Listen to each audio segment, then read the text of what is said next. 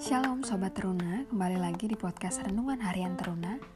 Tema renungan kita hari ini adalah Unity in Differences dengan bacaan Alkitab dari ulangan 22 ayat 10.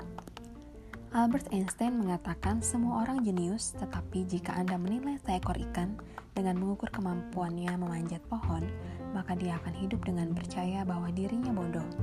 Maksudnya kita tahu benar bahwa ikan itu berenang dan monyet itu memanjat pohon. Dan untuk menilai ikan itu hebat, tidak bisa dengan menyuruhnya memanjat pohon seperti yang biasa dilakukan monyet. Karena setiap makhluk diciptakan Tuhan dengan keunikannya masing-masing. Kita pun tidak boleh membandingkan kesuksesan orang yang satu dengan yang lainnya. Setiap orang harus saling menghargai sebagai sesama ciptaan Allah yang memiliki potensi dan keunikan masing-masing. Teman-teman, Bacaan Alkitab kita hari ini adalah salah satu dari rangkaian aturan yang diberikan Allah bagi bangsa Israel. Mereka diminta untuk tidak membajak dengan lembu dan keledai secara bersamaan. Kenapa ya? Kecepatan lembu dan kecepatan keledai tentu berbeda. Begitupun kemampuan mereka. Ketika mereka disandingkan untuk melakukan pekerjaan yang sama, tentu hasilnya akan berbeda.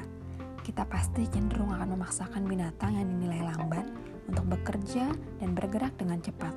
Kita mungkin akan memukul, menarik, ataupun memaksanya. Tentu hal tersebut akan menyakitkan bagi hewan yang dipaksa menuruti kemauan kita. Luar biasa ya, Allah sampai begitu peduli terhadap binatang, sehingga aturan tersebut disampaikannya kepada bangsa Israel.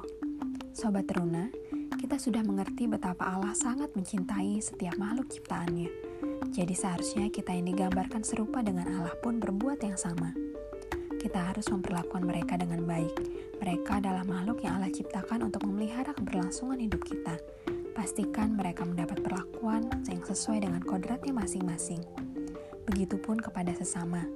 Mari melihat mereka sebagai seseorang yang memiliki kelebihan tersendiri, sebagaimana kita juga diciptakan unik oleh Allah.